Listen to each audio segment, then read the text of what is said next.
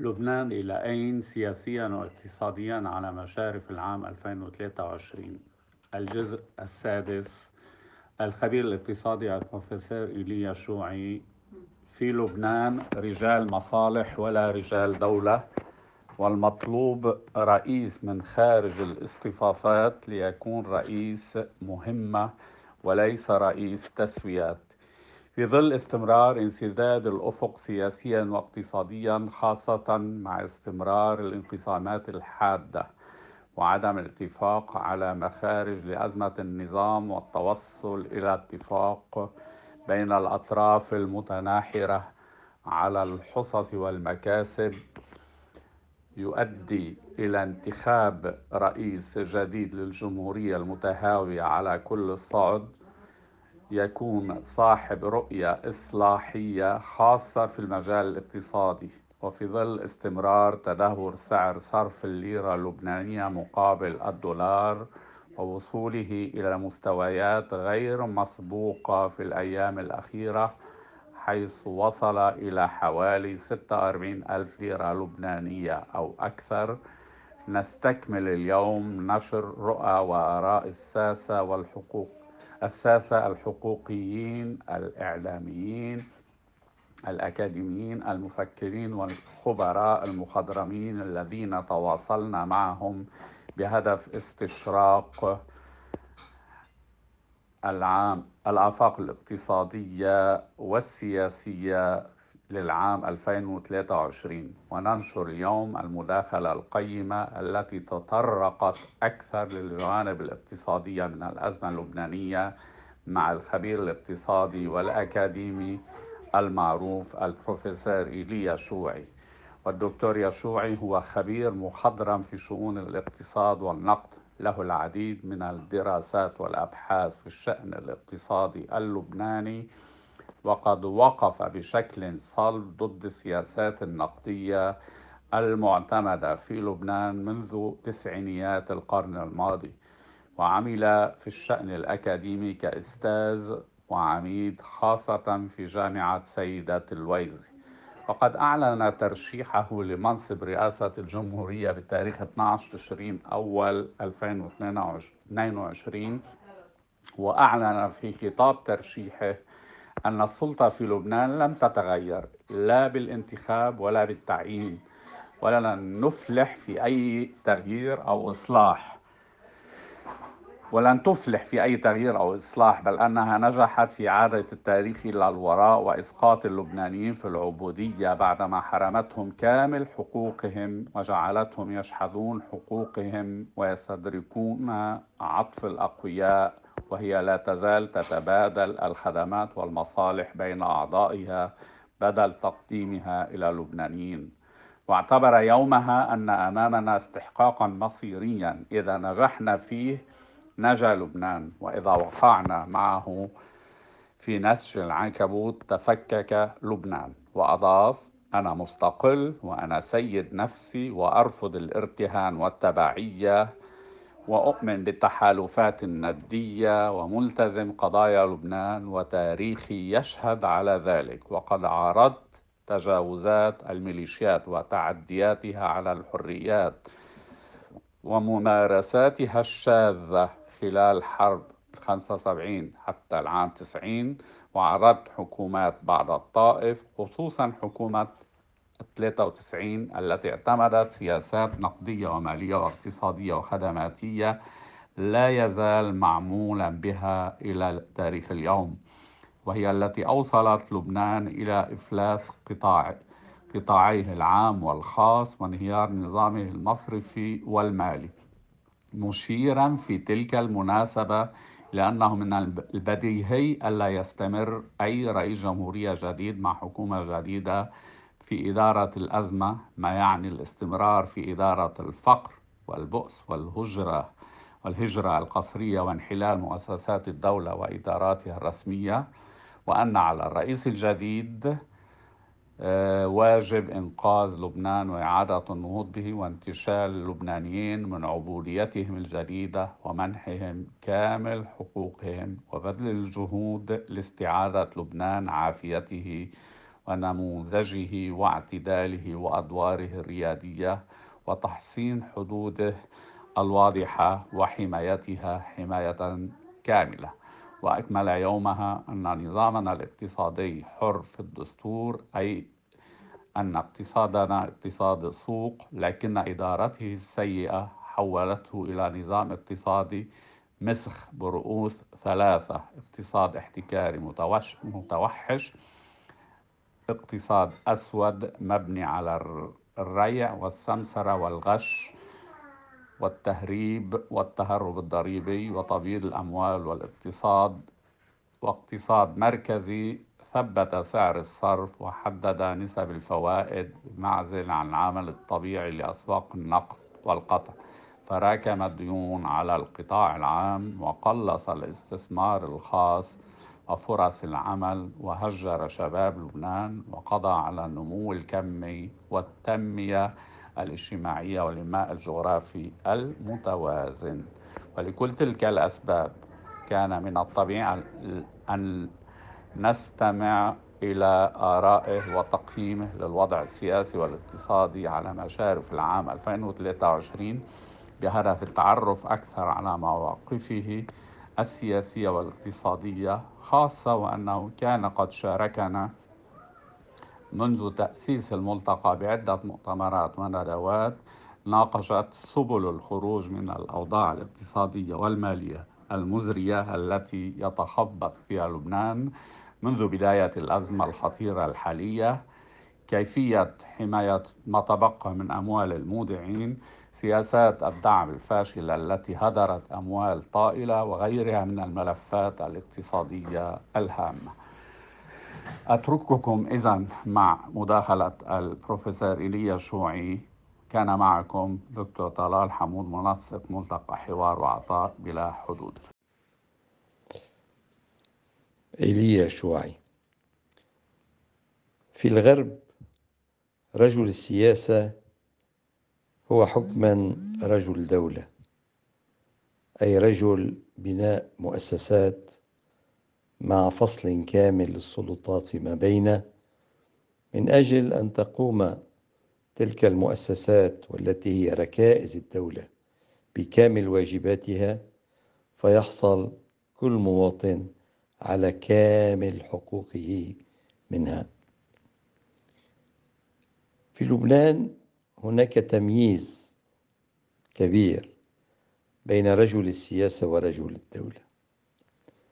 رجل السياسة في لبنان هو رجل المصالح وأبعد ما يكون تاليا عن رجل الدولة.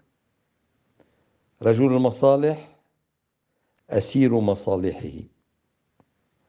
رجل الدولة أسير مصلحة دولته وبالتالي شعبه ومجتمعه.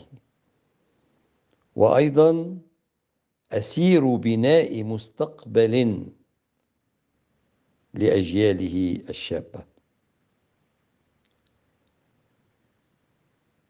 إذا تم انتخاب رئيس جديد للجمهورية في لبنان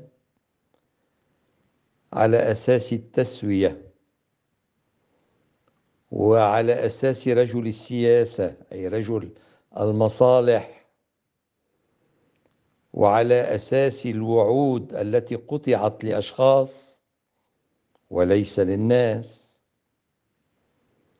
لبنان سيستمر في الغرق في مستنقع الانحلال والتفكك. واللبنانيون سيستمرون في هجرتهم القسرية. فيفرغ هذا البلد تدريجيا من أبنائه من بنائيه أبنائه البنائين. فيبقى من يبقى ويطغى عندئذ على هذه الجغرافيا. النازح السوري واللاجئ الفلسطيني. لبنان اليوم على مفترق طرق. فإما الإنقاذ أمامنا وإما التفكك والانحلال. نحن بحاجة إلى رجل دولة. إنها تلك المؤسسات المنهارة السلطات المنهارة في لبنان.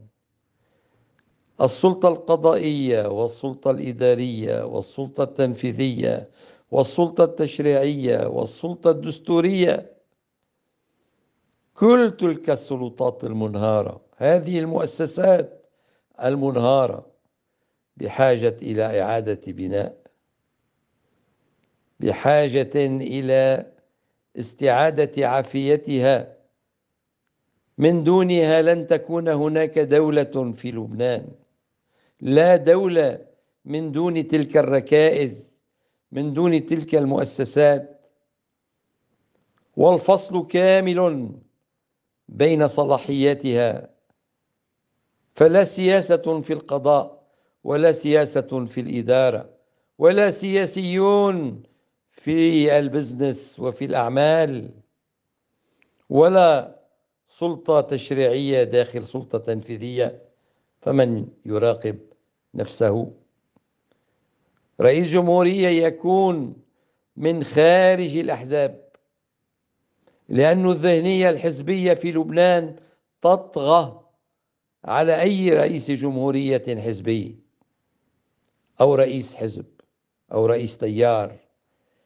فهو مع رئاسة الجمهورية لا يستطيع أن يكون إلا رئيس حزب أو رئيس تيار.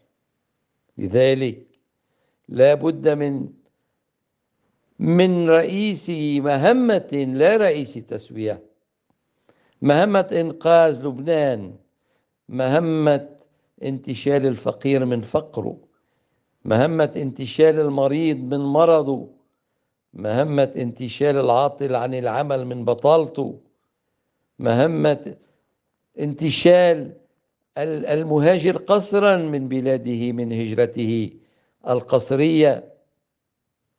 مهمة انتشال لبنان من هذا الإفلاس السيادي الذي دمر صورته في الخارج وفي العالم.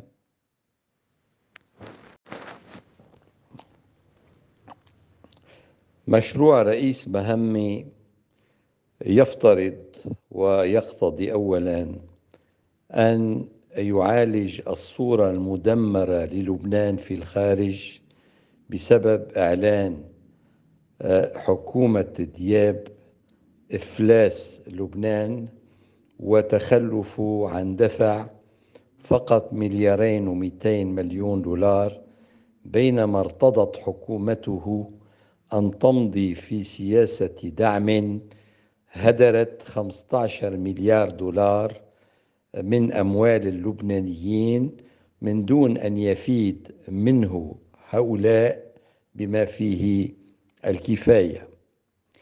ثم هذا الإفلاس السيادي عزل لبنان ماليا عن العالم الخارجي عن الجهات المانحة عن الأسواق المالية العالمية عن الحكومات عن الصناديق الدولية ووضع أمامنا ممرا واحدا. نحن مضطرون أن نأخذ هذا الممر من أجل أن نعود مرة أخرى إلى تلك المصادر التمويلية الخارجية. أعني بهذا الممر صندوق النقد الدولي.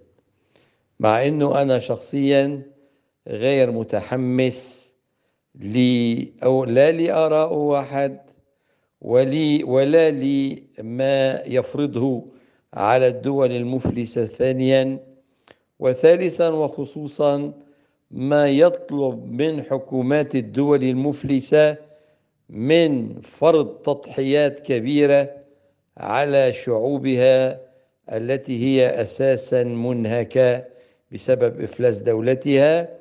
أما في الحالة اللبنانية ففضلا عن إفلاس الدولة هناك أيضا إفلاس القطاع الخاص القطاع الخاص المصرفي إفلاس الكثير من الشركات إفلاس كثير من الأفراد لأنه بلبنان الموضوع ليس موضوع إفلاس دولة فقط إنما إفلاس قطاع عام.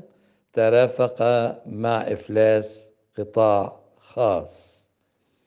لذلك أولا أولا الانتهاء من مسألة الصندوق بأسرع وقت ممكن وبأقل كلفة ممكنة على اللبنانيين. وفي الوقت عينه كما قلت بناء المؤسسات وفصل السلطات فيما بينه ثم استكمال تطبيق اتفاق الطائف خصوصا ببنديه المتعلقين بتشكيل هيئة متخصصة لإلغاء الطائفية آه، في لبنان الطائفية السياسية خصوصا وأيضا تطبيق اللامركزية الإدارية والضرائبية والتي يسميها الدستور اللامركزية الإدارية الموسعة. لأنه نحن في الاقتصاد لدينا ثلاث مفاهيم أساسية. المفهوم الأول هو الاقتصاد الكمي يعني النمو الاقتصادي. آه، ما هي الكميات التي نمت أو تضاعفت كميتها خلال سنة مقارنة مع السنة قبلها؟ هيدا بكويدا النمو الكمي. أما المفهوم الآخر والتنمية التنمية بعلاقة وطيدة بالإنسان بالمجتمع. التنمية تفترض مكافحة الفقر والبطالة والمرض والأمية. وثلاثة المفهوم الثالث هو الإنماء الجغرافي المتوازن والتي وحدها اللامركزية الإدارية تستطيع تطبيقه. لماذا؟ لأنه كما قلت عندما يكون هناك في لا مركزية إدارية وضرائبية معنى ذلك أنه مجلس القضاء المنتخب يوم انتخاب النواب وعلى أربع سنوات مش معين كما ينص عليه الدستور منتخب هيدا يجبي الضرائب الضرائب مش الرسوم الرسوم للدولة الرسوم تدفع مباشرة للدولة الضرائب الشخصية كل أنواع الضرائب الشخصية للساكنين القاطنين داخل القضاء يشبيها يحتفظ بنسبة منها ويحول الباقي إلى الخزينة المركزية لدفع المشتركات والخزينة المركزية بواسطة موازنتها العامة تخصص للأقضية لمجالس الأقضية الأكثر فقرا تخصص لهم مساعدات خاصة من أجل أن تمنع التفاوتات في المداخيل وفي الإنماء آه، آه، آه، بين شتى الأقضية لأنه هون عم نتكلم عن توازن الإنماء الإنماء المتوازن. ثم على صعيد ال ال الإنتاج. وعلى صعيد المصارف. لا إنتاج من دون مصارف لا اقتصاد من دون مصارف. لا نستطيع أن نستمر باقتصاد ما يسمى ال cash economy ال cash economy هي اقتصاد محدود جدا. وهذا الكاش يأتينا من مصدرين أساسيين. المصدر الأول التحويلات السنوية للبنانيين والتي تبلغ نحو 7 مليارات دولار والمصدر الثاني هو ثمرة الصادرات وهي فقط 3 مليارات دولار. إذا عندنا 10 مليارات دولار سنويا. هيدا طبعا إذا ما طرأ آه، أمور بالخارج آه، يمكن يمكن أن تؤثر سلبا على تلك التحويلات. إذا نحن عندنا رفد الاقتصاد النقدي. اقتصادنا النقدي. عندنا رفد سنوي له بمبلغ 10 مليارات دولار وهذه الدولارات كلها سوا معدة بغالبيتها للاستهلاك أو للاحتفاظ بها بجزء أساسي منها مش أساسي بنسبة ضئيلة منها داخل أماكن خاصة ولكن خارج القطاع المصرفي لأنه لا يزال عامل الثقة مفقود. فإذا الكاش ايكونومي هي محدودة جدا وبحاجة إلى قطاع مصرفي. ومن هون مشروع تعويم القطاع المصرفي مشروع إعادة إحياء القطاع المصرفي. هذا مشروع حيوي. حيوي جدا وهذا آه، يفترض ويقتضي أن تعود المصارف وترفع رساميلها التي هبطت إلى أقل من خمسة أو ست مليارات دولار إلى 22 مليار دولار وهي الرساميل التي كانت لديها عشية الانهيار يعني ب 2019 إن بواسطة المساهمين الحاليين يعني آه، آه، يقتطعون من حساباتهم الشخصية ويضخونها في شركاتهم المصرفية أو إشراك آه، مساهمين جدد أو يلي منه قادر يندمج كمان أو يعمل هالعملية هاي.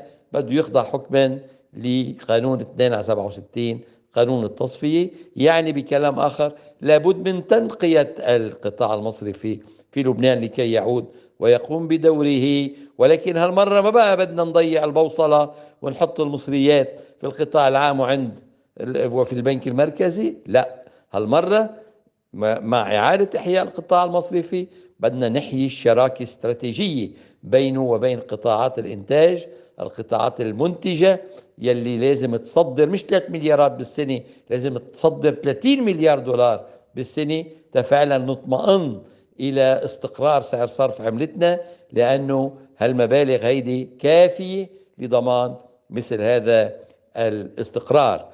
ولا يجب أن ننسى أيضا الفجوة المالية في البنك المركزي وأنه هناك تدقيق مالي جنائي بخصوصة وهذا التدقيق المالي الجنائي يجب أن يصل إلى نتائج حسية ملموسة مع رئيس جمهورية جديد يعين مع طبعا الحكومة حاكما جديدا للبنك المركزي متمكن من السياسة النقدية صاحب خبرة صاحب معرفة ما عنده نوايا مبيتة وقادر فعلا على الإنقاذ ساعتها يفسح المجال أمام تلك الشركة شركة تدقيق المال الجنائي ويعطيها كافة المستندات المطلوبة لكي تكشف عن مسببي فقدان ال 75 مليار دولار والتي هي ودائع الناس. وهيدي وهون بدي أختم وأقول إنه إذا ما أعدنا بناء احتياطاتنا الوطنية من العملة الصعبة. عبثا نحاول وندعي إنه الليرة اللبنانية ستكون بخير أو سعر صرف الليرة سيقوى أو آه، كلام فارغ مثل كل ما الكلمات أو الكلام الذي نسمعه بخصوص الموضوع النقدي في لبنان. وأريد أن أنهي آه، كلامي بالتشديد على ضرورة إجراء تلزيمات شفافه لكافة الخدمات والمرافق العامة في لبنان التي آه، آه، برهنت الدولة اللبنانية عن فشل ذريع في تمويلها وفي إدارتها ولا تزال كل ملفاتها مفتوحة وتستنزف ما تبقى من أموال عامة. أعني بذلك الكهرباء والماء والنفايات والنقل المشترك وسكك الحديد والمرافق والمطارات وغيرها من الخدمات العامة. وهذه التلزيمات لن تقحم أي حكومة نفسها فيها. آه، إنما تطلب من مكاتب استشاريين وإداريين دوليين متخصصين كل في مجال خدمات معين وضع دفاتر شروط مع زيادة بند نقل آه، آه، الموظفين موظف موظف نقل موظفي تلك المرافق والخدمات العامة من العام إلى الشركات الملتزمة. الحكومة توافق على دفتر الشروط يلي هي شروط دولية بالأسعار الدول العالمية آه، قبل الضريبة لأنه كل دولة عندها نظام الضريبة الذاتي. وتطلب عندئذ من هذا المكتب إجراء مزايدة عالمية مع أعطاء الأفضلية للبنانيين المقيمين والمنتشرين بخصوص تقديم الطلبات آه، طلبات الالتزام التزام كل تلك المرافق والخدمات. وبهذه الطريقة تخفف الدولة الكثير من عن من على عاتقها من الإنفاق الإداري وتتحول من الإدارة اللبنانية من عبء عليها إلى مورد مالي مهم جدا لها بهذه الطريقة. وهذا كله يستلزم وجود وتوافر عامل ثقة. لذلك أنا في بداية حديثي شددت كثيرا على شخص رئيس الجمهورية لأنه أنا أكيد أنه لما بيأتي شخص لا يريد شيئا لنفسه معناتها الجسم كله بينضف والكل يصبح محشور والكل آه، آه، آه، يعني يفرض على نفسه التمثل برئيسه.